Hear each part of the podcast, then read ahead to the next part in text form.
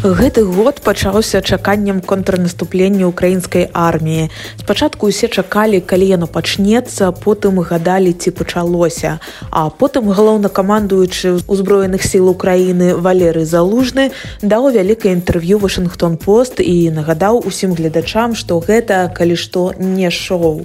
Ён адкрыта сказаў, раздражняе, калі чуе, маўляў, доўгачаканы контрнаступ ідзе павольней, чым чакалася. Гэта не шоу, гэта гэта не шоу за якім назірае ўвесь свет на якое робяць стаўкі ці нешта падобнае. Кожны дзень кожны метр даецца крывёю сказаў тады залужны. Каб наступленне ішло хутчэй залужнаму трэба было больш зброі і перавагу ў паветры. То бок знішчальнікі f16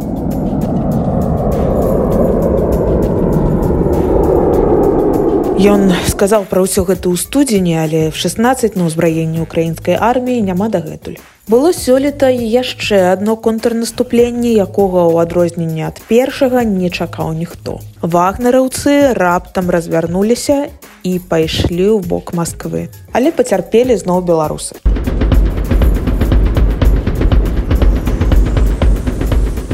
Частка вагнераўцаў асела ў нас у краіне. Спробы беларускага кіраўніцтва запалохаць імі суседнія краіны сталі прычынай закрыцця некалькіх пунктаў пропуску на мяжы. Так што так шалёныя чэркі у якіх вы стаялі днямі па дарозе ў Беларусь не ў апошнюю чаргу ўтварыліся праз тое што на беларуска-польскай мяжы цяпер працуе ўсяго адзін пункт пропуску беларускае кіраўніцтва ўжо не хавае што вагнераўцы загубіліся сярод беларускіх сілавікоў напрыклад нядаўна сцяг наймітаў быў заўважаны падчас вучэнняў беларускага спецназа.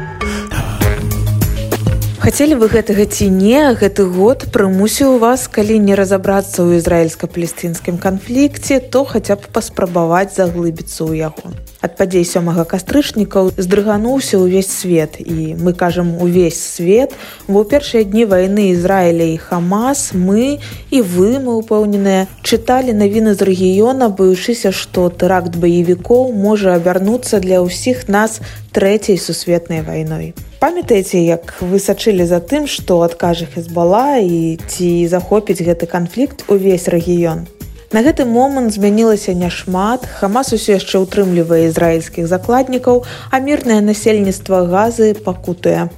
На каляды, якія многія хрысціяне адзначаюць 25 снежня папа рымскі францішак заклікаў пакласці канец гэтай вайне, але ў 2024 год мы ўваходзім з яшчэ адным гарачым месцам на карце планеты.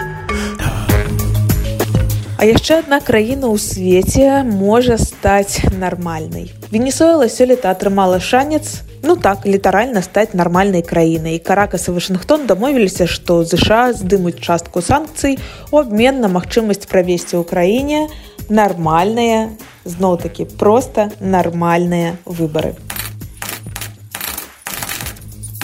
Тут, вядома, беларусы спыталі: блин, а так можна было мы рассказывалі вам ці можна было зрабіць гэтак жа у беларусі.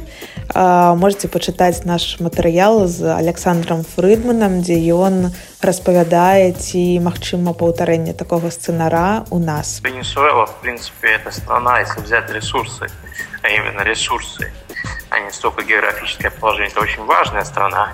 Именно по вопросам нефтяным большие, большие залежи нефти, поэтому это действительно с точки зрения влияния на мировые цены на нефть, это важная страна. Но, с другой стороны, конечно же, есть принципиальные отличия в географическом положении. Все-таки к авторитарным режимам, которые находятся вне западного культурного пространства, назовем это так, вне Европы и вне Северной Америки, к ним э, отношение немножко другое, более, более снисходительное. Одно дело диктатура в центре Европы, а другое дело диктатура в Южной Америке, где есть довольно большая традиция подобных, подобных режимов. Ну вот. Третье, тоже очень важный момент, это фактор, фактор России все-таки и фактор войны, которая, которая идет в Европе. Э, власти Венесуэлы они вынуждены искать какие-то компромиссы. Ну, Мадуро просто у него возможности ограничены, вынужден крутиться, чтобы из всего этого ситуации э, выпутываться. Поэтому это тоже довольно-таки особенный контекст. И там же еще есть и другие страны в окружении, там вроде Колумбии или э, Бразилии, которые тоже поджимают, и которым такой изгой на южноамериканском континенте, вообще на американском континенте, там в Южной Америке, не нужен. Поэтому при всей похожести режимов, и то, что не случайно, что они так, в принципе, дружат уже довольно давно, ну, есть э, довольно много отличий внешних факторов, в том, прежде всего, географическое положение, фактор подпитки со стороны России, который есть Лукашенко и которого нет Мадура, ну и, конечно, что все-таки белорусская диктатура в Европе находится. Тым, хто кажа, што глобальнае пацяпленне гэта бла-бла-бла, рэкамендуем пераглядзець фатаграфіі гэтага лета. Турысты страчвалі прытомнасць на экскурсіях у рыме, а з Грэцыі наогул уцякалі. Лясныя пажары ператваралі райскія астравы ў інтэр'еры для здымак фільма апакаліпсісу. Турыстам даводзілася літаральна на лодках ратавацца з пяцізоркавых гатэляў, а ва ўладальнікаў нерухомасці такой опцыі не было ім. Наступным годам трэба будзе думаць, як выжываць далей. Але ўжо да зімы на летні апакаліпсіс усе забыліся галоўны кліматычны саміт аан той самы на які запрасілі александра лукашэнку праводзілі ў эміратах сталіцы выкапнёвага паліва і ў выніковы дакумент саміту не ўвайшлі жорсткія фармулёўкі у якіх краіны дэкларавалі б намер адмовіцца ад такога віду паліва. Абышлося абцякальнымі фразамі пра пераход ад выкарыстання выкапнёвага паліва. То бок ніякіх дакладных абяцанняў. Абаронцам клімату засталося ўздыхнуць і сказаць фармулёўкі саміту нібыта прадыктавала апек. Гэтым годам нас усё больш цікавілі і таксама турбавалі тэхналогіі. Мы пачалі сур'ёзней ставіцца да тэхналогіі штучнага інтэлекту. Хтосьці захваляваўся, што чат GPT адбярэ ў яго працу, а хтосьці больш матывавана перажываў, што такія тэхналогіі будуць спрыяць размнажэнню неправеранай інфармацыі, а чалавек і сам здольны вырабляць яе ў небывалых маштабах. Увогуле штучны інтэлект пачалі абмяркоўваць і на самым высокім узроўні, а не толькі ў айцішных чатах. Еўросаюз, Великабрытанія, Германія, Кітай, Японія і іншыя краіны сабраліся на канферэнцыю, дзе абмяркоўвалі, як працаваць з гэтай тэхналогіяй, а дакладней, як яе рэгуляваць. Асноўнае палажэнне вялікай канферэнцыі штучны інтэлект трэба ўкараняць так, каб тэхналогія была бяспечнай, вартай даверу і арыентаванай на карысць чалавека.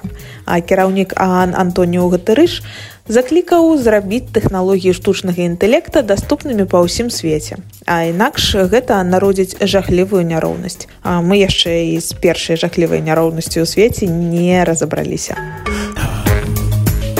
Але прайшоў час успомніць пра нешта добрае. Гэты год быў поўны вяртанняў і прыемных уз'яднанняў. Да нас нечакана вярнуліся нават Бітлз. То бок літаральна выйшла новая песня гурта з вакалам Джона Леннона. Забыліся пра гэтую навіну. Тэрмінова паслухайце сінгл Науэнзен. На стварэнне гэтай кампазіцыі першыя акорды, якой Джон Леннон запісаў яшчэ ў 78 годзе, агулам пайшло 45 гадоў, распавядае BBC. І ў працы над ёй бралі ўдзел усе чацвёра музыкантаў. When we lost John, we knew that it was really over. I was talking to Yoko and she said, Ah, I think I've got a tape of John. Paul called me up and said he'd like to work on now and then. He put the bass on, I put the drums on. It's the last song that my dad and Paul and George and Ringo will get to make together. How lucky was I to have those men in my life? Аснова кампазіцыі дэма-запіс, які зрабіў яшчэ Джон Ленан. На дэмцы ён падыгрывае сабе на раялі. У сярэдзіне 90-х трое удзельнікаў гурта спрабавалі працаваць з гэтым запісам і Джордж Харрисон паспеў запісаць для песні гітарная партыя. А летась два сэры пол маккартні і рынгастар завяршылі працу над кампазіцыяй. З дапамогай спецыяльнай і зусім новай тэхналогіі голас ленана удалося аддзяліць ад гукаў раяля і шумоў і цяпер запіс ідэальны. Ну што здаецца цяпер у вас ёсць першы трек навагодняга плейліста Праўда? Тады завязвайце з навінамі і бягом сабіраць падарункі. Інфармацыйная служба еўра радыё